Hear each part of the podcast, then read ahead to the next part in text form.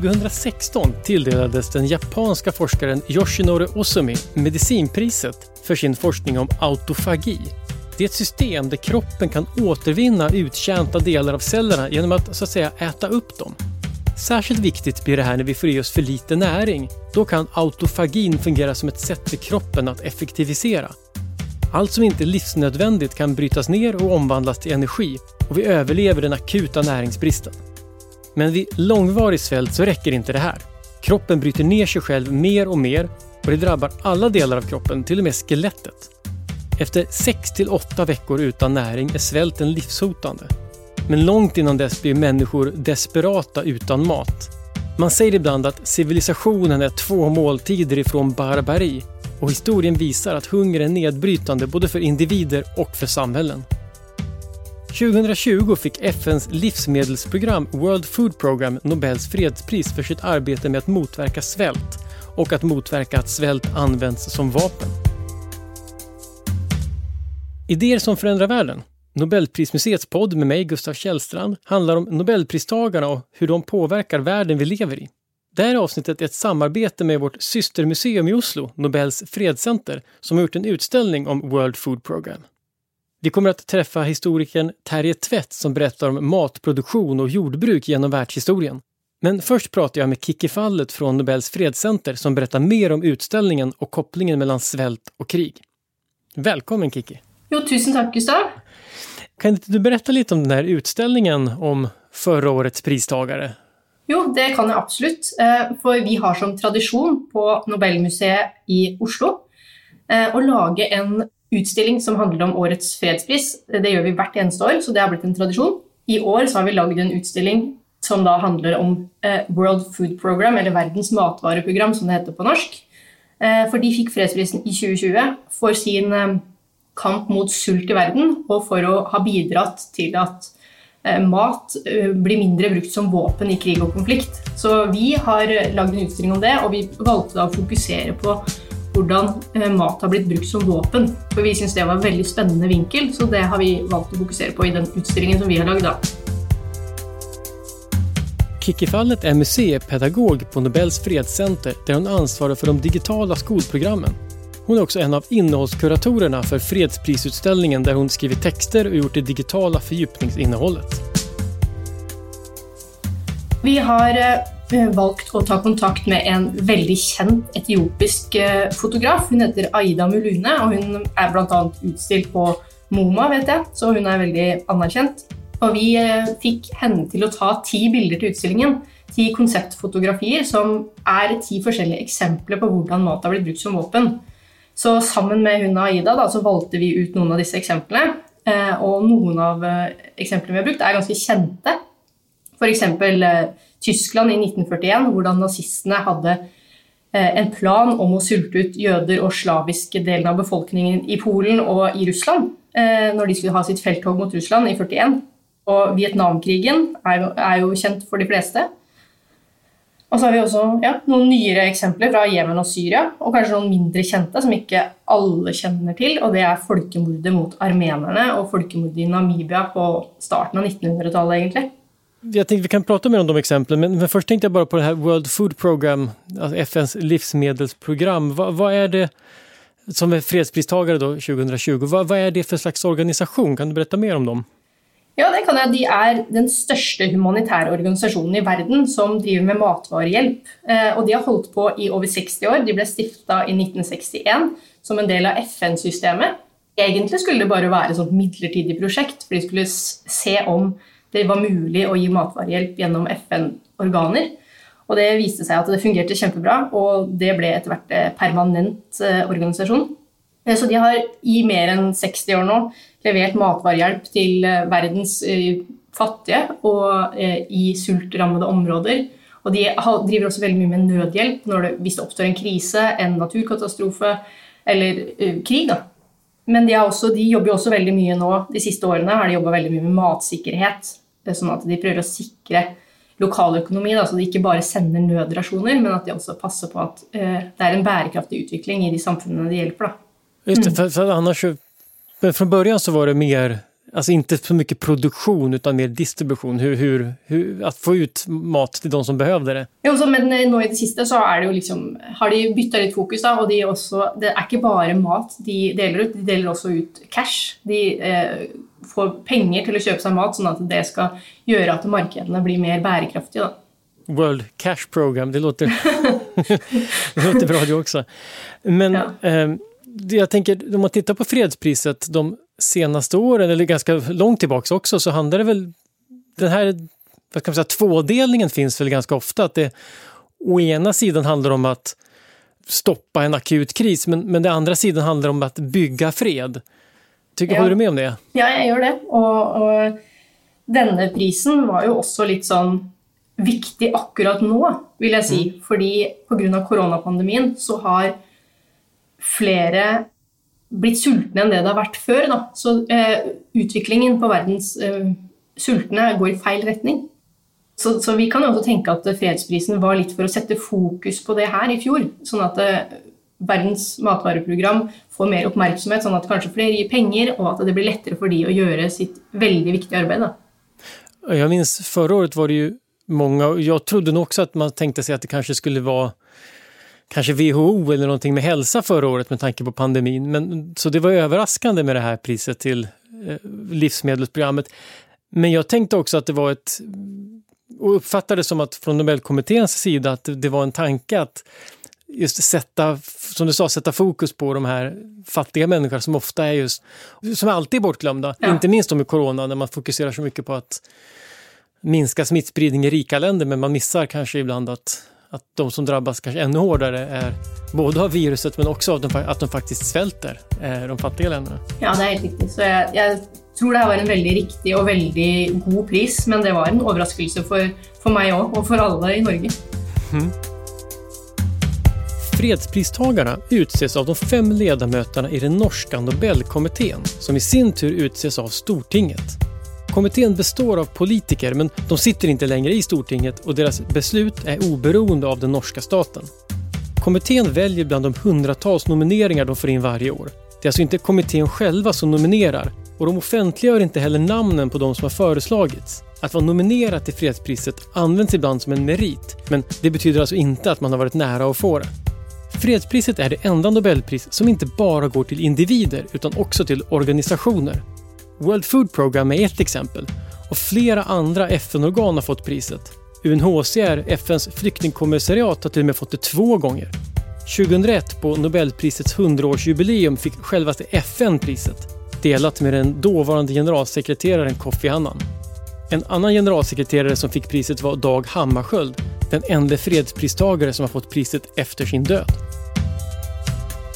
Jag tycker att det är kul när det blir ett Nobelpris som är just oväntat, som, som få känner till? Eller är det bättre när det är någon väldigt känd? Vad är, vad är lättast för er att visa? jo, det absolutt lettest hvis det er noen som er litt kjent. Eh, mm. Sånn som da Malala vant fredsprisen, eller eh, han Mukwege. Mukwege. Han, han, var jo en sånn verdenskjent Han hadde jo allerede vært hos oss på besøk og snakka om sitt arbeid eh, eh, før han vant fredsprisen. Så det er selvfølgelig lettere, eh, men det betyr jo ikke at det er mindre viktig. Eh, jeg tenker at denne prisen kan oppleves for mange som litt kjedelig, men den er jo ikke det i det hele tatt. Det er jo superviktig og veldig spennende hvordan mat har blitt brukt som våpen. Det er på en måte litt glemt. Det er veldig mange som har glemt at det, mat spiller en veldig stor rolle mm. i krig og konflikt. Og det kan være både driver til eh, krig og konflikt, men også årsak til det. Og på, på, alle de måtene man kan bruke det som et våpen, det tror jeg liksom, eh, folk ikke tenker på. Og hvor stor del av historien det faktisk er, det tror jeg ikke så mange tenker på. Derfor er det ganske spennende å i hvert fall lage utstilling om det òg. Ja, og det her med, som, som, du var inne på, med, med svält som vapen. Jeg tenker annars at man tenker at, at svält kanskje er en konsekvens av krig. Ja. Men, men, men så er det ikke bare. Nei, det kan være på en måte begge deler. Eh, Nobelkomiteen, Den norske Nobelkomiteen, når de delte ut eh, fredsprisen, eller når de annonserte fredsprisen i eh, oktober i fjor, mm. så sa de jo at det er en ond sirkel. De sa at sult, eller krig og konflikt kan selvfølgelig føre til sult. Og det gjør det stort sett alltid. Når det er konflikt, så, så er det De fleste gangene så fører det også til matmangel. Eh, men det som på en måte ikke alle tenker på, er det motsatte. At, at sult og mangel på mat kan også føre til uro. Mm -hmm. Eller at uh, motsetninger blir sterkere. Um, og det er kanskje litt kontroversielt å si at det er en direkte link. Hvis du sulter, så blir det krig. Sånn er det jo ikke. Men at det er en medvirkende årsak, eller en av flere årsaker, uh, det har vi jo veldig mange eksempler også på. Så, så mat og, og kan føre til krig, og krig fører til matmangel. Du var inne på ett, ett skäl till att, att man ger det här priset just i år kanske är också att det här är aktuellt, att, fråga, att det går åt fel håll just nu, från att kanske gått åt rätt håll under en period. Vad, vad, de flesta som svälter i världen nu, är det på grund av som eller är det, det på grund av, klimatet, tänker man mycket på nu, eller är det något annat? Jo, det er jo flere grunner til det. Eh, og som du sier, så ser det ikke så lyst ut. På 90-tallet så gikk det jo riktig vei. Eh, men eh, de siste fem årene så har det gått i veldig feil retning. Det er nesten 60 millioner flere som sulter nå enn for fem år siden. Og bare på det siste året 10 millioner flere som sulter. Så dette bærekraftsmålet til FN, Zero Hunger, som mm. Verdens matvareprogram jobber for De jobber jo for at det skal være null sult i verden det går jo faktisk i feil retning. Det er et av disse bærekraftsmålene som, i, som er dårligere enn da de startet bærekraftsmålet. Og en av årsakene er jo koronapandemien, men det er jo også flere årsaker til sult. Da. Eh, og klima kan jo være én grunn, men eh, ulikhet i verden og at det blir eh, flere folk, er jo også, også en viktig årsak. Og som jeg sa i stad, krig og konflikt. Mm. Eh, at det er flere kriger, mer konflikt, det gjør også at det, det blir flere sultne. Da. Men befolkningsvekst har også selvfølgelig noe å si.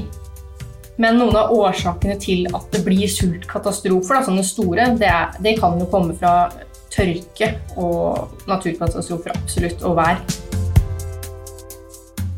1900-talets jordbruk er, takk vare kunstgjødsel og nye grøder, både fredet og genmodifierade, mer effektivt enn någonsin.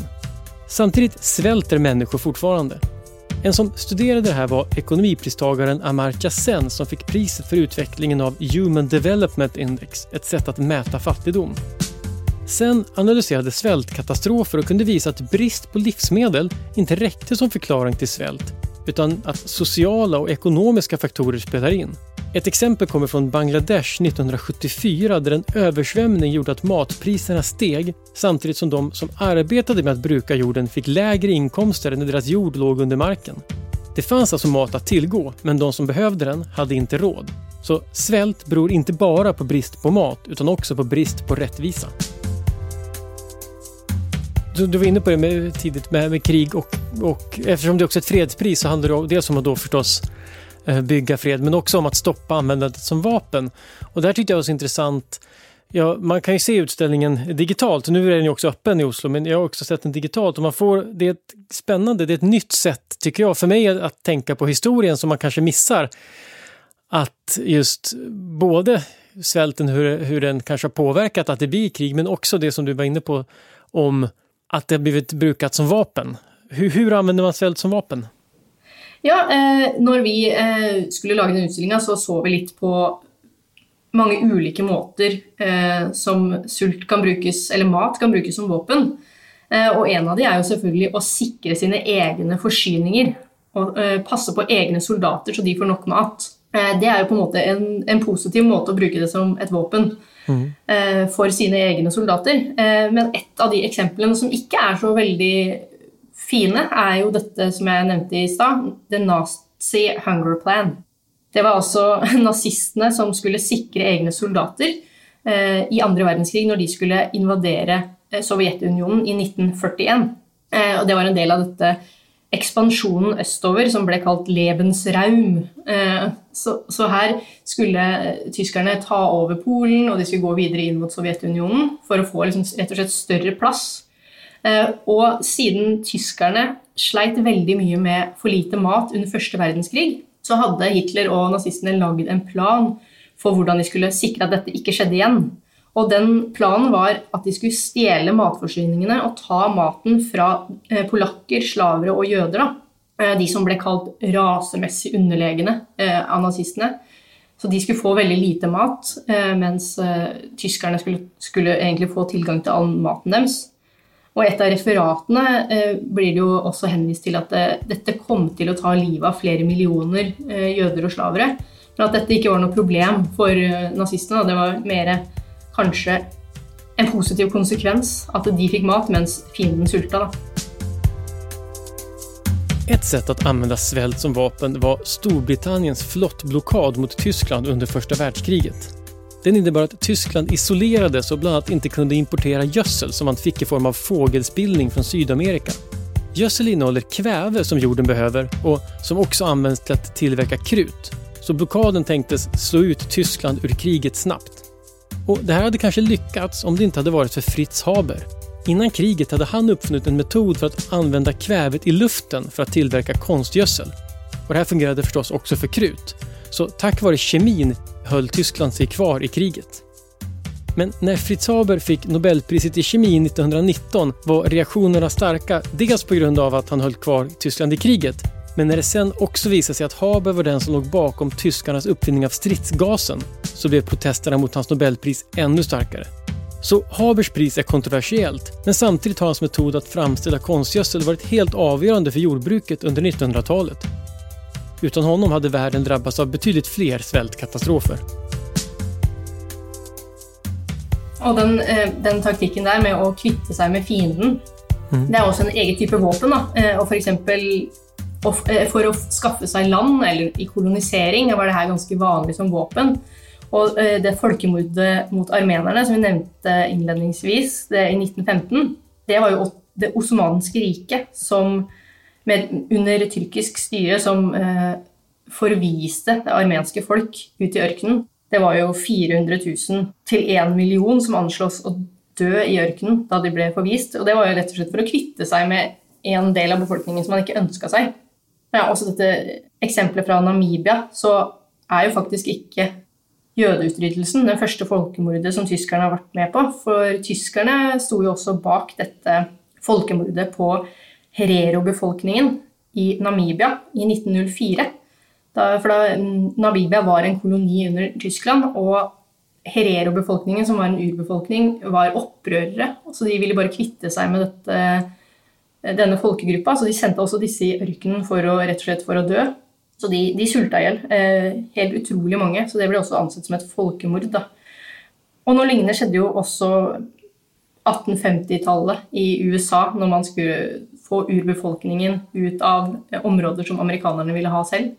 Og det blir ofte referert til som 'Trail of Tears', akkurat denne ene hendelsen der man tvangsflytter flere grupper av urbefolkning, da, som også mista hele grunnlaget sitt for, for uh, liv, da, med bøfler og ja, jaktterreng. Så, så, det er også på en måte en politisk taktikk. Som selvfølgelig kanskje ikke er like vanlig i dag, men som historisk var et, uh, et våpen politisk taktikk for å kvitte seg med fiendene. Ja, men det är intressant och det, det är ju verkligen perspektiv på det här med, med vad som är krig och vad som är fred och vad som är vapen.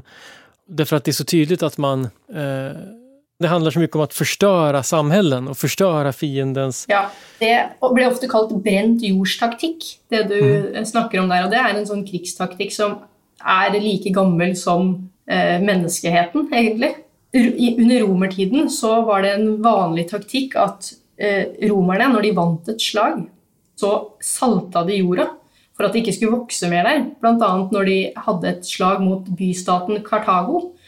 Når de hadde bekjempa Kartago for andre eller tredje gang, jeg vet ikke helt eh, hvor mange ganger de kjempa, så eh, pløyde de jorda deres og, og salta den sånn at det, ingenting skulle vokse, sånn at ikke bystaten skulle bli et problem mer fordi de kommende generasjonene fikk ikke nok mat. da.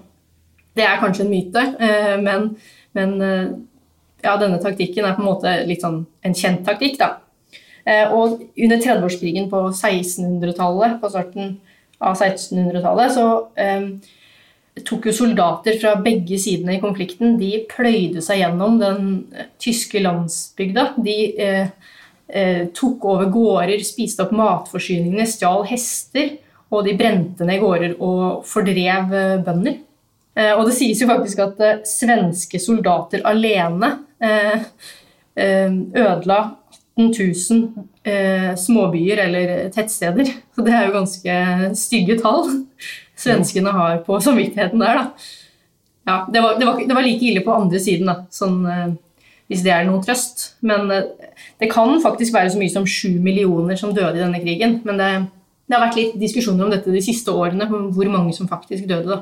Og de har tenkt også på det at krigen blev på den tiden om inte annat, och det kanske viss mån fortfarande, men att de blev självförsörjande. Alltså de, de var tvungna att kriga. Man kunde inte ta hem alla soldaterna till, om det nu var Sverige, då kunde man inte ta hem soldaterna till Sverige för då hade man inte råd att försörja dem. Så man, kriget fick bära sig själv. Det var bättre att ha krig i utlandet. Men just därför tänker jag, om man tittar på ett par moderna exempel på, som, som jag tror nämns i utställningen Syrien och Jemen till exempel, när det är alltså inbördeskrig, borgarkrig, då är det ju för då förstör, om man förstör jordbruket och mattillförseln då, då förstör man ju även sin egen framtida matförsörjning. Ja. ja, det har du rett i, men det är faktiskt, eh, Man bruker det også som et våpen i mm. både Syria og Jemen. Men da er kanskje mer sånn beleiringstaktikk. Eh, det er liksom en sånn, også en sånn urgammel taktikk der man eh, omringer en by eller et område for at det ikke skal komme inn ressurser. Og det har jo også blitt brukt veldig mye i Syria. F.eks. hvis det er egne områder med opprørere som, som er mot Assad-regimet f.eks. i Syria, så har mm. man med vilje sulta ut denne befolkningen eller ødelagt eh, deres matforsyninger. Eller også til og med tatt nødrasjoner fra hjelpeorganisasjonene for å presse denne delen av befolkningen til å overgi seg. Og i sånn konflikt som Syrien og Jemen, som er så åpenbart farlig at, farlige länder å være i, kan en organisasjon som World Food Program, kan de være der? Kan de tas inn i landet då när det er så under sånne forholdene? Det er ekstremt vanskelig. Når vi har snakket med dem, så har de sagt at det er, det er, farlig, og det kan være veldig vanskelig å få maten til å komme fram til de riktige. Eh, for det kan jo være underveis at opprørsgrupper stjeler nødhjelpsrasjonene rett og slett, og mm. bruker det til egne militære. Og det er ganske vanlig, spesielt i Syria. så er det mange rapporter om at eh, nødhjelp har blitt, eh, blitt, tatt til de som ikke skulle ha det. Ikke til de sivile, men til, ja, til mm. eh, armeer. Ja, för att, för att när man tänker på FN så ofta, tyvärr, så kanske man tänker på byråkrati och att det är mycket man pratar mycket men det händer inte så mycket. Men, men World Food Program de är ändå faktiskt med och är ute på fältet, eller hur? De, de har jo et hovedkvarter, og de har jo ansatte som jobber, jobber i med administrasjon. Men det er en organisasjon som er veldig mye ute i felten. Det er vel over 80% som, er, som jobber faktisk i felten med enten å levere ut nødhjelp eller eh, ja, som mm. driver med nødhjelpsarbeid.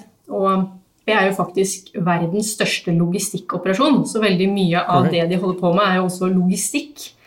De har jo faktisk 5600 eh, lastebiler og over 3000 skip og 100 fly som til enhver tid leverer ut eh, matrasjoner. Så det er jo masse forskjellige typer jobber i VFP, men veldig mange av de handler om å få mat til de som trenger det.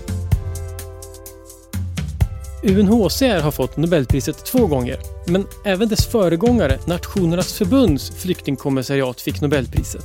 Den gick under namnet Nansenbyrån och fick priset 1938. Men redan 1922 fick den första ordföranden Fritjof Nansen priset för sitt arbete med att hjälpa flyktingar efter första världskriget.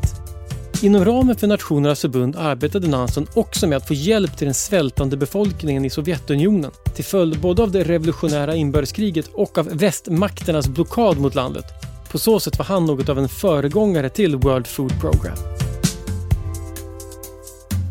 Hela den här frågan är ju väldigt hemsk förstås om, om svält och eh, krig. Men samtidigt så blir man ju hoppfull när man hör talas om den här organisationen och den hjälp som ändå, den, de ansträngningar som ändå finns.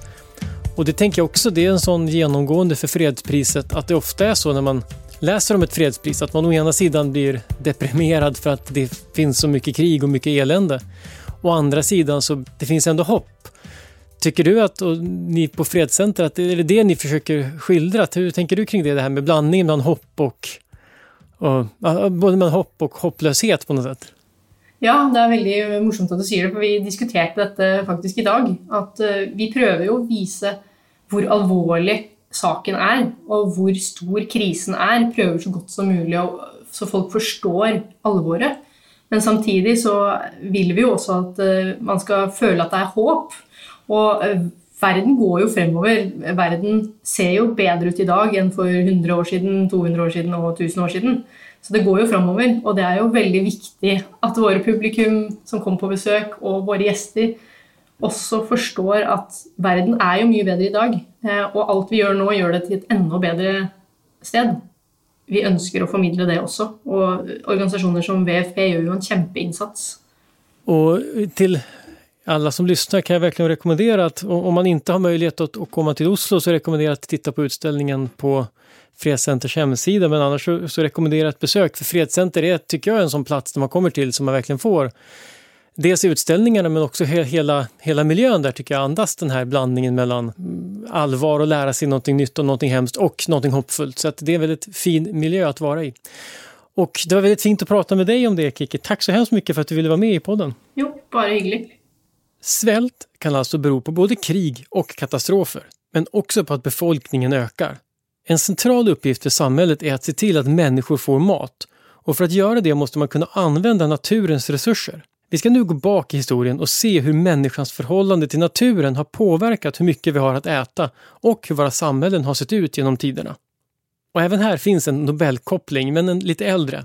En av de första historikerna som systematiskt använde sig av geografi och naturresurser för att förklara förändring var Theodor Mommsen. Han skildrade i sitt verk Romersk historia romarrikets uppgång och fall. Och det här arbetet belönades med Nobelpriset i litteratur 1902.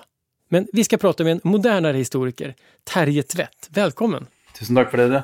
Får jag börja med att fråga, har du, har du läst Theodor Mommsen? Är det någon historiker som man läser fortfarande? Ja, jag har läst han utifrån at jeg er interessert i teoriene hans om sykliske sivilisasjoner. Men han leses vel ikke som eh, en, eh, en fortolker av eh, altså Han er ikke en interessant historiker når det gjelder fortolkning av virkeligheten. Det er mer historiografisk, jeg vil tro, at Monsen i, det, i aller høyeste grad er aktuell. Det, du sa, det her med sykliske synet på historien, at, at samfunnet gjennomgår en sorts födelse, oppgang og död. Tycker du at det ligger noe i den synen? Nei, altså jeg syns jo grunnleggende sett så er det et uh, ganske problematisk syn på samfunnet og historien fordi først og fremst da man bruker biologiske metaforer, altså man tar forestillinger om hvordan naturen utvikler seg, og overfører det til hvordan samfunnet utvikler seg. Og i det ligger det jo en veldig nivellering, kan du si, eller en utvisking av samfunnsmessige forskjeller, pluss at det som er det spesielle ved samfunnet, eh, jo forsvinner. Det, samfunnet utvikler seg ikke på samme måte etter disse lovmessighetene. sånn at forestillingen om at samfunn går fra at du ble født, når en slags ungdom, livets eh, høyde, og så er det forfall. Det er en besnærende teori. Lett å forstå hvorfor den ble populær, men den holder ikke. Terje Tvedt er historiker og professor i geografi ved Universitetet i Bergen. Hans forskning inriktar sig på internationell historia och om förhållandet mellan människa och natur, särskilt vad gäller vatten. Han har bland annat varit redaktör för tolvbandsverket The History of Water. Terje har också gjort flera tv-serier om vattnets historia, bland annat The Future of Water som finns på olika strömningstjänster. Hans senaste bok heter Världens historia med fortiden som spejl och är en sammanfattning av de långa dragen i världshistorien. Det här du nämner om att det missar de särskilda egenskaperna hos samhällen. En sak som jag förstår på det, det jag läst av det är att det där är ganska viktigt och du pekar ju på de just naturliga förutsättningarna som en stor skillnad. Att man kan inte se historisk förändring som en just psykisk skillnad därför att länder ser olika ut rent geografiskt. Ja, nei, det er jeg helt enig i, og det er et viktig poeng, syns jeg. Eh, og det blir jo også stadig tydeligere at det, blir, at det er et viktig poeng. Eh, men man kan si at deler av den samfunnsvitenskapelige og historiske tradisjonen så å si løftet naturen ut av hele fortolkningsverdenen. Altså Man ikke, har ikke vært noe særlig interessert i det. Og det har da ført til at det har vært mulig å lage ganske sånne generelle lovmessigheter om hvordan historien utvikler seg fra et stadie til et annet. At alle samfunn må gjennom de samme takeoff-stadier for å industrialiseres, f.eks. Sånn som jo er veldig vanlig å tenke innenfor moderniseringsstrategien, som ble dominerende. Altså denne tendensen til å lage allmenne lover om samfunnsutvikling, får problemer i det øyeblikket man trekker inn naturvariasjoner. Fordi at de er så åpenbare når det gjelder deres evne til å skape grunnlag for ulike typer samfunnsutvikling. Det er klart at de første sivilisasjonene, for eksempel, hvis man skal snakke om de, altså de som oppsto langs de mm. store elvene i Midtøsten og Asia for 5000 år siden, de oppsto jo nettopp der de gjorde det, fordi at der var det grunnlag for å skape et jordbrukssamfunn som var så produktivt at det skapte overskudd nok til å etablere en stat, arbeidsdeling, håndverkere, prester, skriftlærde osv. Mens i Sverige og Norge og i land der nedbørsbasert jordbruk dominerte, så var det jo ikke grunnlag, rett og slett, for jordbruk på det tidspunktet som kunne skape et sånt overskudd. Det var ikke mulig. Og sånn var det i store deler av verden. Og så sier man masse andre samfunnsfenomen og historiske spørsmål opp gjennom historien. Og hvis det er sånn, så er det jo klart at det å løfte naturen ut, eller for meg da løfte vann, samfunnsforhold f.eks. ut av fortolkningen av historisk utvikling, det, da mister du veldig mye av det som er spennende og varierende da, ved menneskehetens historie. Ja, och det har man väl gjort i ganska stor utsträckning, att man helt enkelt inte har räknat på de här faktorerna utan man har tittat mer på politiska och kulturella faktorer. Men kan man vända på det då att, att det så att naturliga förhållanden kan snarare styra hur kultur utvecklas? Ja, altså Man skal ikke gå for langt i noen retning her. ikke sant? Det er fallgruver overalt. eh, og det er langt ikke sant? Du har jo også en retning innenfor samfunnsvitenskapen og historien som har vært naturdeterministisk. Altså mm. Aristoteles, Montesquieu, den tyske filosofen Hegel altså Alle disse forklarte jo menneskets syke ut ifra det klimaet det levde i. Og Hegel sa jo mm. at historiens virkelige teater var i den tempererte sone. Altså, han lagde en stor historieteori basert på hvordan naturen fungerte. Og sånn finnes det også. Men på den annen side så er det da alle de som særlig i moderne tid har sagt at naturen spiller ikke noen rolle. Eller naturen mm. spiller kanskje en rolle, men den spiller så liten rolle at det er ikke noe poeng å være opptatt av den hvis du er opptatt av samfunnsmessig endring.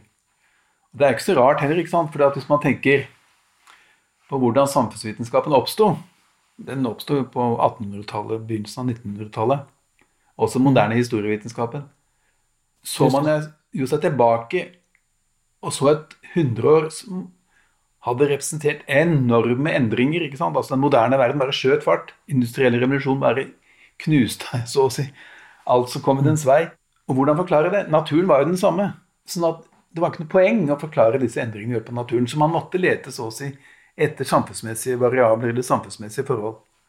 Sånn at det var ikke så rart at de da Når dette var den store oppgaven og det store spørsmålet de skulle prøve å forklare, nemlig det moderne samfunnets fremvekst, det var ikke så rart at i kjølvannet av det så forsvant naturen ut av med badevannet, så å si. Eh, særlig da i og med at de ønsket å etablere seg som noe annet enn naturvitenskapen. Så alt dette er forståelig. Men nettopp det at det er forståelig, gjør det enda viktigere å tenke over konsekvensene, og hvordan man skal slippe fri, så å si, fra de dogmene som da ble dominerende på det tidspunktet. Hvis man da tenker på samfunns... Altså, det jeg er spesielt opptatt av, det er forholdet mellom vann og samfunn. Fordi jeg mener at det er hensynsmessig å tenke på naturen ikke som én en enhet, for den er altfor kompleks. Det er altfor mange forhold å ta i betraktning. Så hvis man da skildrer ut enkelte elementer i naturen og ser på det i forhold til samfunnet, så kan man f.eks. se på vannet. Og da er det jo åpenbart at forholdene for samfunnsmessig utvikling i Jordan, i Sverige, i Egypt, i Kina er veldig, veldig forskjellige. Fordi at mhm. grunnlag for matproduksjon, grunnlag for urbanisering av bydannelse, grunnlag for transportutvikling Alt sånt blir jo påvirket av hvordan vannlandskapet er i de ulike samfunnene. Kan du berette noe konkret eksempel på det der? Ja, det finnes jo mange eksempler. ikke sant? Man kan gå til eh, Jeg kan jo komme tilbake til Kina og Egypt mm. kanskje senere, men vi kan ta Sverige og Norge. I, fra 1500-tallet til 1870 så var Norge, av alle ting, Europas ledende eksportør av saget tømmer, altså av trelast. Sverige hadde mye mer skog. Finland hadde mye mer skog. Så hvorfor i all verden ble ikke Særlig Sverige, som var et mye mer utviklet mm. samfunn enn Norge på det tidspunktet.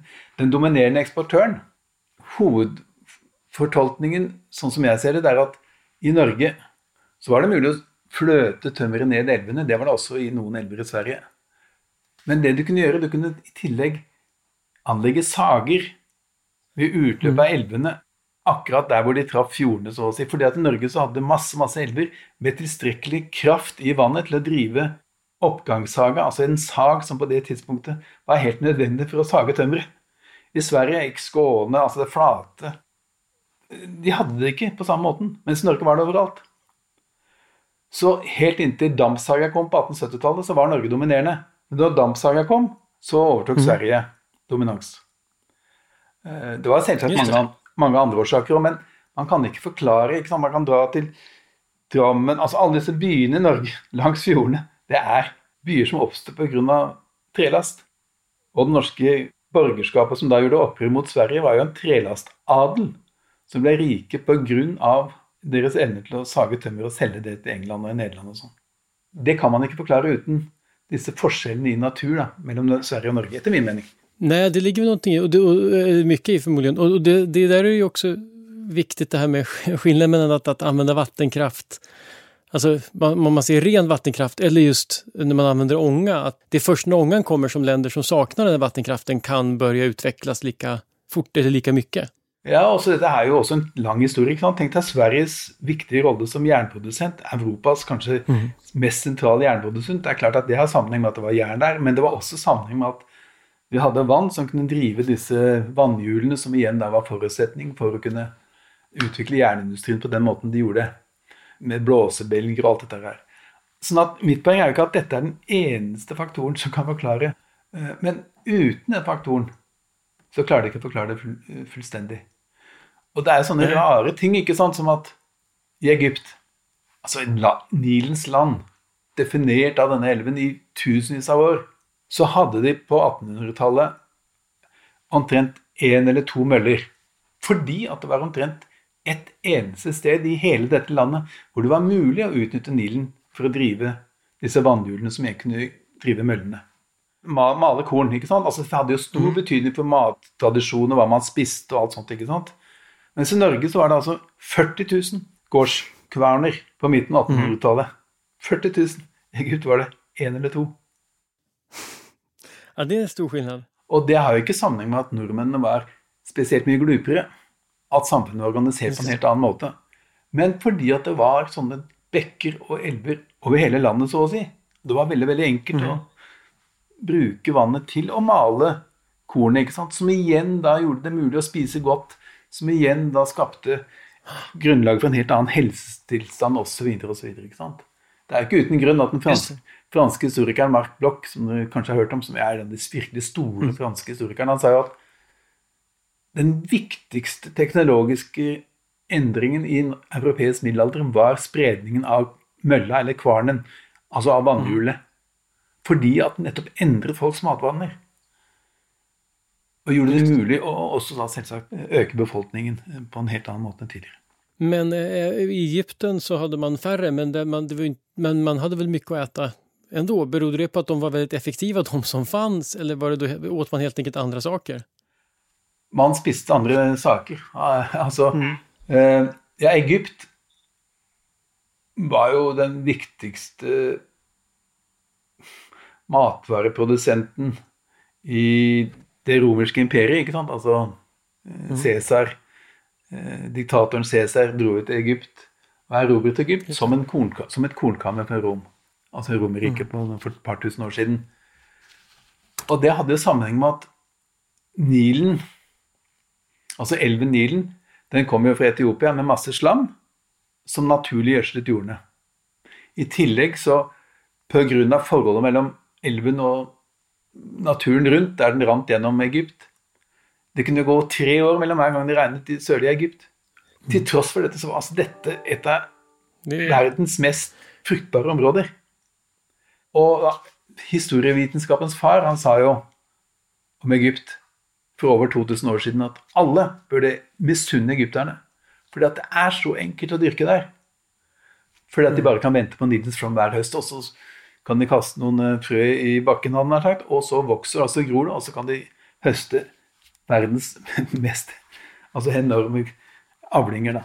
Sånn at de hadde Altså Nilen eller vannet spilte bare en annen rolle i Egypt enn i Norge og Sverige. ikke sant? Du hadde jo ikke de tilsvarende fruktbare elvedalene verken i Sverige eller Norge. I Norge har de ingen fruktbare elvedaler, egentlig. Men det betød ikke at de ikke kunne lage møller. Mens egypterne hadde en enorm fruktbar elvedal, men de kunne ikke lage møller. Men man tenker seg at, at eh, det faktum at man begynner ens med jordbruk, det er jo åpenbart at det er liksom en stor revolution. Og det er da vi får sivilisasjoner og så här. Og, og det har jo förstås mye med, med, med kontinuerlig mattilførsel å gjøre. Neste store revolution er vel industrialiseringen når vi liksom lyfter opp eh, si, energianvändningen på en ny nivå. Man prater ofte om textilindustri och sådär kring industrialisering, men hur påverkades matutbudet av, av industrialiseringen? Helt grunnleggende, vil jeg tro, fordi at uh, det som skjedde med i, i, samband med tekstilindustriens revolusjonerende rolle, det var jo også at det fikk en endring i jernindustrien som gjorde at jernindustrien etter hvert da, også hjulpet av dampmaskin, den kom jo senere, som vi vet. Men altså, mm. alt dette førte til at det var mulig å produsere redskaper som var mye mer effektive. Altså plogen uh, var veldig avgjørende, ikke sant? særlig i Europa. Den var ikke så viktig i Egypt f.eks., eller i Sumer pga. jordas beskaffenhet, men i Europa var det helt avgjørende. Og så fikk du jo transportutvikling, som jo også var en del av den industrielle revolusjonen særlig den vannbårne transporten, altså på kanaler og på hav og sånn, etter hvert Til å begynne med bare drevet av vind og strøm, men etter hvert også av dampmaskin. Alt dette førte til en enorm økning av markedene, og ikke minst at det ble mye lettere å flytte mat fra der det ble lagd, til der det skulle bli spist. Altså fra produksjonssted til marked. Og i tillegg så ble jo hele altså økonomien mye mer integrert. Du fikk en, en annen et annet nivå på arbeidsdelingen, kan du si, som jo også var veldig produktivt for jordbruket. Og med byene så ble det jo stadig større befolkning som måtte føs, rett og slett. Som ikke selv skapte den maten som de trengte. Og det var jo noe nytt i historien. 1900 og 1901 så var det kanskje 1,5 eller noe sånt milliarder mennesker på kloden. Og i løpet av 100 år sant, så ble det jo 7 milliarder flere. Så det sier jo noe om hva den industrielle revolusjonen hadde å si for matproduksjonen. Og det du sier der om at, att innan dess så, så tillverkade de fleste mennesker sin mat selv, og sen slutade de med det. Jeg får intrycket når jeg leser din bok om världshistorien där, att, att du lyfter ändå fram liksom de naturliga faktorernas, att de fort, fortsatt er viktige for eh, även, även det industrielle samhället. Ja, i aller høyeste grad. Jeg mener jo at forestillingen om at den industrielle revolusjon fra starten av var et slags menneskehetens frigjøringsprosjekt fra naturens begrensninger, mm. er eh, rett og slett ikke bare skjev, men feil. Og den fortolkningen baserer seg egentlig først og fremst på ideen om at den industrielle revolusjonen skjedde med dampmaskinen. Jeg mener jo at forestillingen om at den industrielle revolusjonen fra starten av var et slags menneskehetens frigjøringsprosjekt fra naturens begrensninger, Eh, er eh, rett og slett ikke bare skjev, men feil. Og den fortolkningen baserer seg egentlig først og fremst på ideen om at den industrielle revolusjonen skjedde med dampmaskinen, altså med bruk av fossil energi og dampmaskinen. Men dampmaskinen ble viktig først etter at den første og avgjørende fasen av den industrielle revolusjonen var over. Dampbåter fantes jo ikke før på 1820-tallet og 1830-tallet, ble ikke tatt i bruk noe særlig. Før kanskje enda seinere damptoget, eller toget, 1840-1850. Norge fikk den første jernbanen i 1854. Og industrielle maskiner var helt fram til 1820 stort sett drevet av vann. Tekstilindustrien i England, den som revolusjonerte økonomien globalt og i England, den var vanndreven, så å si utelukkende fram til 1820. Samtidig var også transporten, som vi allerede har snakket om, altså helt avgjørende for å bringe verden sammen, for å gjøre markedene større, for å flytte tunge ting som jern og kull. ikke sant? Det ble viktigere og viktigere. Hvordan i all verden flytte på det? Du kunne ikke bruke en hest eller en kamel. Altfor dyrt, altfor tungvint, mm. gikk for tregt. Du måtte bruke båter. Og dette var da før mm. dampmaskinen kom. Og alt, både denne transporten Altså jeg studerer transportens betydning og tekstilindustriens betydning og jernindustriens betydning. Fordi at jernindustrien i denne perioden var heller ikke dampdreven. Den var drevet av blåsebelger, hadde man sagt, som var igjen drevet av vannkraft. Det var det som gjorde det mulig å skape den varmen i disse jernutviklingsstedene, eller masovnene, som det ble kalt. Etter min mening så er det veldig vanskelig å forklare den industrielle revolusjonen bare ved å vise til europeiske opplysningsideer, moderne mm. ideer om vitenskapen, ideer om en svak stat som skal legge til rette for næringslivet. Alt dette er så klart viktig. Ingenting oppstår av seg selv. Altså, da Vinci oppsto ikke fordi han bodde i Toskana. Altså, eh, og den industrielle revolusjonen oppstår ikke i England fordi de hadde et helt særegent vannlandskap, men den kunne oppstå der. Og den kunne ikke oppstå i Kina eller i India eller Egypt pga. det vannlandskapet som under jordbrukssivilisasjonen hadde vært ekstremt positivt for disse landene. Men da den industrielle revolusjonen så å si kom på dagsorden, så var de samme fordelene som den en gang hadde hatt, endret eller konvertert til å bli ulemper, kan du si. Altså, Vilka är de särdragen i vattenlandskapet? Vad är det för skillnad mellan Kina och Storbritannien till exempel i vatten som gör att, att vi har möjlighet i Storbritannien och inte i Kina? Jo, altså Kina så har det jo Eller i Storbritannia først, da. Så har de masse elver. Små elver over hele landet. Alle som har vært i England, vil jo vite at det er kort avstand mellom de forskjellige elvene. sånn at i 1800 så var det mulig, å knytte alle byene i England, bortsett fra én, til havet. Og til hverandre ved hjelp av kanaler og litt forbedring av elvene og sånn. Og det er fordi at de var små, lette å kjøre oppover. For at i England, så, både i Sverige og Norge, så tror vi alltid at vannet renner nedover. ikke sant? Men det er jo ikke sånn mm. tilfelle når det gjelder England. Der har du disse tidevannselvene som bringer vannet oppover, sånn at det var mulig å seile opp elvene før dampmaskinen kom. Du kunne seile helt opp til London, opp Themsen, ved at du brukte tidevannet. Og sånn var det med de andre engelske elvene. Oselven, Severnelven. Sånn at det var veldig viktig. Og I tillegg så ble disse elvene De fikk jo vannet sitt ikke fra isbreer, sånn som i Kina, men fra nedbør. Og det regner jo nesten alltid i England, som vi som er litt interessert i fotball, vi vet det. Mm. Ikke sant? Det, det, er jo det er Manchester. Det er der det regner nesten mest, eller oftest, av alle byer i Europa. Mm. Det regner ikke mest, men det regner hele tiden. Og det betyr jo at disse kanalene og disse små bekkene, og elvene, som drev de engelske vannhjulene, som igjen drev tekstilindustrien, som igjen drev eh, blåsebelgene i Masodden, det var elver som fikk til kontinuerlig tilsig av vann. Mens i Kina, som er preget av monsunen, altså et værfenomen hvor det regner bare det i noen få måneder, og så er det tørt, i tillegg til at elvene i veldig stor grad får vann fra Himalaya. Så det er veldig stor forskjell på når det, når det, renner mye vann i elven og når det renner lite. Alt dette er jo problematisk hvis du skal bruke elvene som transportåre. Du kan seile nedover, men det er veldig vanskelig å seile oppover. Særlig mm. hvis det er mye vann i elva. Du kommer ikke oppover. Eller du kan bli dradd De engelske elvene var jo så små, tynne og helt smale, sånn at du kunne ha en hest på hver side, og så bare dro du båten oppover. Mens i Kina så er elvene som hav og i hvert fall deler av landet, ikke sant, med ekstremt breie. Du kunne ikke liksom putte en hest på hver side av, av elva, altså dra båten oppover. Nei, helt umulig.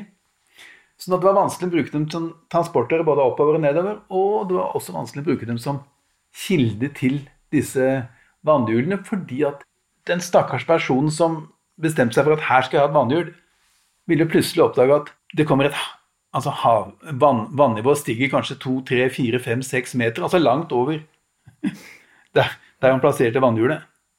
Og så er det så flatt på Gule Flodsletten og på Yangtze eller Shangyang-sletten at det er veldig vanskelig å få det tilstrekkelig fallet på mm. vannet som kan drive vannhjulene. Altså at, kom, altså at, vannet kommer ned, eller faller ned på vannhjulet istedenfor at, det at vannhjulet bare drives underfra vannstrømmen. Sånn at det var både topografi, nedbørs, nedbørens karakter, elvenes elvemønstre, antall fosser i elvene Altså det at du kunne bygge kanaler hvor du var sikker på at det var vann å fylle kanalene med. Det er ikke noe vits i å lage bare en hull i bakken. ikke sant? Svenskene hadde Gjøtakanalen, og det var fordi at det var mulig å føre vann der. I Norge var det vann til alle kanaler, men her var det ikke mulig å grave kanaler nesten pga. at det var så mye stein og fjell. ikke sant? Så her var det jo Norge er jo ikke et kanalland i det hele tatt. Kineserne var i stand til å bygge enorme kanaler, men de hadde problemer med hvordan skaffe nok vann. Det var en lang historie, men eh, Ja, men, det, ja, men det, det, ja, det, det, med tanke på hur, hur, hur viktigt det är så är det ganska kort ändå. ja. Uh, Men, men jag tänker, det där för oss också in, jag tänker på, på 1900-talet och ja, men inte minst Kina är ju ett land som, som fortfarande förstås påverkas väldigt mycket av vattentillförseln. eh. Men, men, jag tänker också på att det har funnits ganska gott om mat både i Kina och Indien och tack vare floderna. Men man pratar också om den här gröna revolutionen och den tar jag upp inte minst då för att Norman Borlaug som fick fredspriset var inblandad i att ta fram nya grödor och sådär. Vad, vad innebar den gröna revolutionen för, för, för Indien och Kina? Och hur kommer det sig att det, om det inte blir för långt, men hur kommer det sig att det ens var, var hotade svält där? Var, var, varför det inte till? Var det befolkningsökning eller varför räckte t- floderna till längre? Varför behövdes det en grønn revolusjon? Altså, den grønne revolusjonen var jo helt avgjørende for eh, at det var mulig både for Kina og India å øke befolkningen sin så radikalt som de gjorde. Og det var også helt fundamentalt for at de klarte å bryte ut av alle spådommene om eh, en fremtid av elendighet, ikke sant? som eh, jo du vet at f.eks. Gunnar Myrdal og mange andre på det tidspunktet var enige om at var disse to landenes fremtid. Og den grønne revolusjonen den er jo også et globalt fenomen, ikke sant? i og med at den startet i Mexico. og Hele befolkningsveksten etterpå har jo virkelig kan si, understreket Bolaugs og andres suksess i å videreutvikle jordbruket. Kommer jordens resurser räcka för att försörja en befolkning som närmar sig 8 miljarder? För 60 år sedan hade många experter sagt nej, för då trodde man att jorden redan hade nått sin gräns med 3 miljarder. 1968 menade biologen Paul Ehrlich i boken The Population Bomb att läget var hopplöst och att länder som Pakistan och Indien skulle drabbas av svältkatastrofer som inte gick att undvika. Men samtidigt som de här diskussionerna pågick arbetade agronomen Norman Borlaug med att utveckla nya grödor som var bättre på att stå emot väder och skadedjur. Och redan 1968, alltså samma år som Ehrlichs bok kom ut, så blev Pakistan självförsörjande på vete och 1972 hände samma sak i Indien. Det här kom att kallas för den gröna revolutionen och Borlaug belönades med Nobels fredspris för att ha räddat med upp till en miljard människor från svält. Men det som samtidig er klart her, det er jo at dette forutsatte økt vannforbruk. Og det er et av de store problemene i nettopp India og Kina, at vannforbruket mange steder er i ferd med å Ja, det er, det er, det er større enn det vannaturen tillater, da. Hvilket igjen betyr at faren for, eller muligheten for konflikt mellom delstater i India, som jo allerede er der, så klart, når det gjelder bruken av vannet, og også mellom land som Kina og India, og igjen mellom regioner i Kina. altså Tibet er jo Asias vanntårn. Jeg mener jo at Kina, Beijing, aldri vil akseptere at Tibet blir en autonom eller en selvstendig stat, fordi at det er det samme som å gi fra seg sin livskilde, så å si. Altså gi fra seg landets vanntårn. Og det, så lenge det finnes et Kina med en, med, med, med en sentralregjering, så vil de aldri akseptere det. Så ja, altså Hele den grønne revolusjonen var jo veldig viktig for jordbrukets utvikling. Samtidig så vil den altså, som sagt, også påvirke maktforhold og den geopolitiske balansen mellom ulike land, fordi at matvareproduksjon er ikke bare nasjonal. Forutsetningen for dens utvikling er internasjonale vannressurser. Om man inne på, på geopolitiske faktorer og så. Vi var inne på Kina och Storbritannien. Och där var väl en, kan man säga, Storbritannien på något sätt, om man, ska, om man kan säga så, vann. Eh, nu för tiden så är, väl, är det Kina och USA som man tänker att det är två system som står mot varandra. Vilken som ska leda världsordningen i framtiden. Men, men du pekar också på Alltså att till jordbrukssystemen ser olika ut och det spelar ganska stor roll för, för eller kan spela stor roll för framtiden i alla fall, stabiliteten. Ja, her er, må man jo ta som utgangspunkt i at USA har jo hatt en verdens største og ledende økonomi siden 1870-71. Altså veldig lenge. Og også på det tidspunktet da den europeiske kolonialismen politisk dominerte, så var jo USA den sterkeste økonomien. Og en forutsetning for denne økonomien er jo ikke minst en, så klart en, en, en, generell ressursrikdom, altså med kull og olje og alt det der, men i tillegg et veldig, veldig produktivt jordbruk.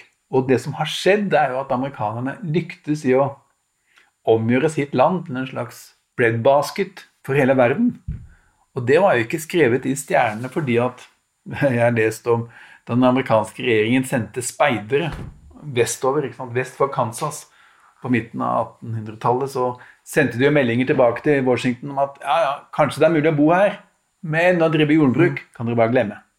Nå er det området forandret ikke sant, at de har ført vann i gigantiske kanaler, de har bygd opp veldig omfattende irrigasjonssystem, eller et system for kunstig vanning, hvor de flytter vann herfra og derfra. ikke sant? Altså Helt ned til California, som jo er en ekstremt vannfattig stat, egentlig, men som nå er blitt et jordbrukseldorado. Altså, alt dette har jo skjedd over tid. Men det har i hvert fall ført til at USA har hatt et jordbruk som i mange tiår har vært verdensledende. Teknologisk og markedsmessig. Og Amerikanerne har jo ikke mer enn er det 400 millioner mennesker nå. Altså en tredjedel da, av Kinas befolkning. Problemet for Kina er jo at de på den ene siden var et arnested for jordbrukssivilisasjonene. Altså, du hadde Sumer ikke sant, langs her fra Tigris, du hadde Egypt langs Nilen, du hadde Indus-sivilisasjonen i dagens Pakistan, Afghanistan og deler av India. Alt sammen for tusenvis av år siden. Og litt senere kom Kina, som jo var en sivilisasjon som ble bygd opp pga. jordbruk, og med jordbruk så klart som den viktigste økonomiske bærebjelken i samfunnet. Og en av de mange mytiske forestillingene med Kina er nettopp knyttet til hvordan den mytiske keiser Yu var i stand til å temme elvene og dermed skape verden, så å si, og gjøre Kina beboelig, og dermed gjøre jordbruk også mulig. Men problemene til Kina i forhold til USA er altså at de har mange flere mennesker. De er styrt av monsunen, så å si. Monsunens tyranni, som de snakker om i India. Hvor det regner mye i deler av landet, mindre i andre deler av landet. Og selv der det regner mye, så er det altså mye mer uregelmessig enn det det er i hvert fall deler av USA. I tillegg så har de da Altså denne nasjonale ubalansen er for kineserne er veldig viktig. Du har Yangtze, altså Shangyang i sør, veldig fruktbart. Men så er det alle de som bor i nord, altså Beijing-området og sånn, relativt lite vann. Og ikke så fruktbart. Og så er det hele den nordkinesiske sletten, hvor da den kinesiske ledelsen har vært bekymret for at vannstanden synker hele tiden fordi at man pumper opp for mye vann. Eh, jeg tror det var CIA, på, altså amerikanske CIA som på 1990-tallet sa at Eller på 2000-tallet, unnskyld. Som sa at de var like opptatt av utviklingen av grunnvannsforholdene i Kina som de i sin tid var av troppeforflytninger i Sovjetunionen. Fordi at de visste at dersom grunnvannet sank radikalt, så måtte kineserne ut på verdensmarkedet og kjøpe mat, noe som igjen ville føre til at prisene steg, noe som igjen ville føre til ustabilitet i mange land. Mulig at CIA overdrev, men hmm. for kineserne så har dette vært et vedvarende usikkerhetsmoment. Og som et uttrykk både for kinesernes evne til å forandre naturen De har holdt på med det siden keiser Yu, som sagt. Altså, de har en lang, lang tradisjon. Noe som viser deres evne til det, samtidig som at det understreker deres sårbarhet, er jo denne et av de aller viktigste industrielle prosjektene i verdenshistorien. Og uten sammenligning, denne, dette prosjektet om å føre vann Det tar 5% omtrent av vannet fra Shangyang eller Yangtze og pumper det opp i tre gigantiske kanaler 1800 km, altså 180 mil mot nord. Det er mye. Det er, det er, det er mind-blowing, ikke sant? Altså, mm. Gjøtakanalen, fine greier, men Ikke sant? Alt blekner. Det er det som er poenget. Alt. Mm. Og den ene kanalen er allerede ferdig. Det ser ut som en gigantisk flott altså deler av det. Det er så, det er så stort. Det er så mm. Og de, de, skal da gi vann til Er det 40 millioner bier de snakker om? Og de skal gi vann til den nordkinesiske sletten. De skal gi vann til Guleflod, sånn at den fortsetter å renne ut i havet, ikke stoppe før, osv. Altså, og den skal gi vann til Beijing. Og den har gitt vann til Beijing nå. tror jeg Stor del av vannforsyningen i Beijing er så å si vann fra Yangtze. Et gigantisk prosjekt, og kineserne sier det er helt nødvendig for å skape en jevn utvikling i Kina. Problemet er jo hva skjer dersom klimaet endrer seg? Hva skjer dersom nedbørsmønstrene endrer seg? Hva skjer dersom isbreene i Himalaya over tid blir borte, vil det da fortsatt være mye vann i Yangtze som de kan pumpe nordover? Altså sånne ting tror jeg holder den kinesiske statsledelsen våken. Jeg skulle vilja ta en, avsluta med en sista fråga om eh, skifta fokus lite grann bara som avslutning till Nobels fredspris och koppla ihop det med, vi har pratat om USA, du, du skriver i, om USA som ett eh, imperium som, som är byggt på föreställningen om mänskliga rättigheter i stor utsträckning och att, att den här föreställningen om universella mänskliga rättigheter är en ganska eh, typisk drag för USA och den världsordningen efter andra världskriget. Skulle du säga att det är samma idéer som, drev, som finns bakom fredspriset? Att fredspriset är en slags symbol för den här universalistiska synen på mänskliga rättigheter? Kanskje på en eller annen uh, finurlig måte, men jeg vet ikke helt hvilken. Nei, fordi at USA Altså, USA ble jo etablert ved hjelp av erobring ikke sant? av uh, indiansk land, og ved hjelp mm. av uh, slaveri osv. osv. Samtidig som de da grunnla seg på en erklæring fra 1776 som jo var ekstremt revolusjonær i sin samtid, og som så å si signaliserte ideen om at vi er all born equal og alt det der. ikke sant? Veldig, veldig viktig. Og amerikanerne etablerte jo sitt imperie etter, eller sin makt etter den annen verdenskrig mens de prøvde å ikke bare bekjempe Sovjetunionen, som jo også var et imperie på sin måte, men også, ikke minst, det europeiske imperiet. Amerikanernes politikk i Midtøsten og mange andre steder hadde først og fremst som målsetting å knekke makten til britene og franskmennene. Og i India også, fordi at de oppfattet det som et anakronistisk system. Hvorfor skulle britene og franskmennene fortsatt drive og dominere områder når amerikanerne hadde den største økonomien? Det var jo latterlig. Så europeisk kolonialisme, down with it. Det var det Richard Rixon reiste rundt i Asia og holdt flammende taler mot ikke sant, på 1950-tallet. Mm. Så ja, etter hvert så ble USA den fremste talsmann for at menneskerettighetene er universelle. I den forstand at alle samfunn har dette som ideer som ligger skjult i sitt skjød, så å si. Det er bare spørsmål om tid før alle skjønner det. Og, og, Nobel på 1800-tallet, på slutt, begynnelsen av 1900-tallet altså Ideen om menneskerettigheter da var jo ikke den samme som ideen om menneskerettigheter nå. Så på en måte var jo Dette var 1800-tallsideer, ikke sant? Og for USAs mhm. vedkommende til og med 1700-tallsideer. Og kan egentlig ikke Altså, de kan sammenlignes med, men det er veldig veldig forskjellig fra hvordan FNs menneskerettighetserklæring av 1948 og hvordan man i dag tenker om menneskerettigheter. Ja, jeg tenkte kanskje ikke så mye på Alfred Nobel, just det, men det er også interessant. Men jeg tenkte kanskje mer på, på hur Nobel, hur norska Nobelkomiteen, om de, de er vel en del av det her efter andre verdenskriget? Absolutt. Så jeg tenkte. Absolutt. Den norske Nobelkomiteen, den har jo uh, Dette er en veldig dominerende slags herskende idé ikke sant, om hvordan uh, verden henger sammen, hadde han sagt, og hvordan uh, disse ideene har oppstått historisk. sånn at her står den norske Nobelkomiteen på den amerikanske fortolkningen av menneskerettigheter.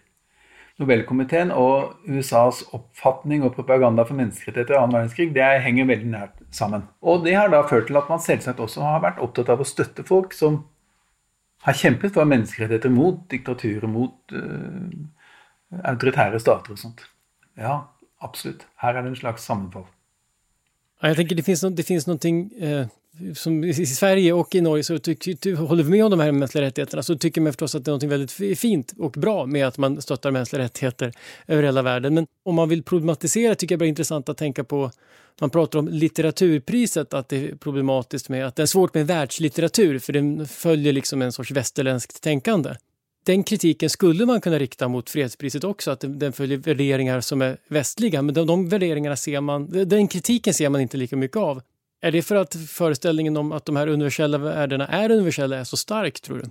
Ja, altså Jeg vil jo si at det at ideen om menneskerettigheter, sånn som jeg forstår historien, mm så er dette ideer som har oppstått innenfor særlig den europeiske kulturtradisjonen. Har en lang historie der, men altså det er et slags ektefødt barn av opplysningstiden, av mm. modernitetens gjennombrudd, arbeiderklassens fremvekst, uh, individualiseringen under det moderne samfunn osv. Altså ideer som er veldig veldig fremmed for f.eks. klassisk eller fundamentalistisk eh, hinduisme eller fundamentalistisk islam, eller for den saks skyld også fundamentalistisk kristendom. Men altså, etter min mening så er ikke dette ideer som er universelle i historisk forstand. Altså som er ideer som alle ville ha utviklet dersom de hadde fått utvikle seg fritt. At alle ville ha valgt disse verdiene dersom de hadde fått velge på øverste hylle, så å si. Sånn er det ikke. Ideene blir ikke noe dårligere, etter min mening, av den grunn. Altså, det er ikke sånn at det som er skapt i Europa eller Vesten, er dårligere fordi det er skapt i Europa eller Vesten. Men mm. det å beskrive det som universelle, sånn som det ble gjort, det kan man jo oppfatte som et overgrep. fordi at det er å beskrive det som egentlig er en vestlig tradisjon, som universelle. Og dersom man ikke er enig i det, så stiller man seg mot det universelt riktige. I det ligger det en slags autoritær tenkning, da, etter min mening, fordi at man anerkjenner ikke at det faktisk er mulig å argumentere for at andre verdier, ifølge de som har disse verdiene, er like attraktive og like attråverdige og er like gode. Jeg forstår, og jeg syns det er et veldig spennende perspektiv, ikke minst i samband med Nobelpriset därför att man, man förstår världen lite sämre om man inte förstår eh, att det finns skillnader. Om man tror att alla strävar mot samma sak egentligen så är folk bara fel hela tiden. Om man förstår att det finns olika värderingar så, så man förstår mer om man förstår var skillnader kommer ifrån och hur, hur skillnader spelar roll, tror jag. Ja, men jeg mener jo at det er en forutsetning å tenke sånn for i det helt tatt å kunne forstå historisk utvikling og det mangfoldet som finnes. Altså, I det øyeblikket man oppfatter menneskerettighetene som universelle, i den forstand at alle samfunn vil utvikle det, eller ville ha utviklet det, dersom de hadde fått utvikle seg fritt. I det øyeblikket så opphever de historien, rett og slett. Den blir ikke, den blir ikke interessant. Man må begynne med noe annet. Det känns som en logisk avslutning. Da har vi kommet fra frågan om, om historisk utveckling till naturresurser till nu tillbaks till att värderingar också spelar roll. Så att vi fått en intressant och spännande nyansering och en otrolig genomgång av förstås naturresurser och jordbruk. Tack så jättemycket Terje för att du ville vara med. Ja, väldigt hyggelig. Tack och like måte. Idéer som förändrar världen är slut för den här gången. Den här podden görs av Nobelprismuseet vi finns på Stortorget i Gamla stan. Information om museets utställningar och öppettider finns på museets hemsida nobelprismuseum.se. Du kan förstås också följa oss på Facebook och Instagram. Och vill du veta mer om Nobelpristagarna och deras arbete så gå gärna till Nobelprisets hemsida nobelprice.org. Och ett stort tack till Nibe Group, EF Education First, Knut och Alice Wallenbergs stiftelse och familjen Erling Perssons stiftelse som möjliggör Nobelprismuseets verksamhet. Idéer som förändrar världen görs i samarbete med produktionsbolaget Filt. Producent är Andreas Wiklund och jag heter Gustav Källstrand. Vi är snart tillbaka med nya intressanta samtal.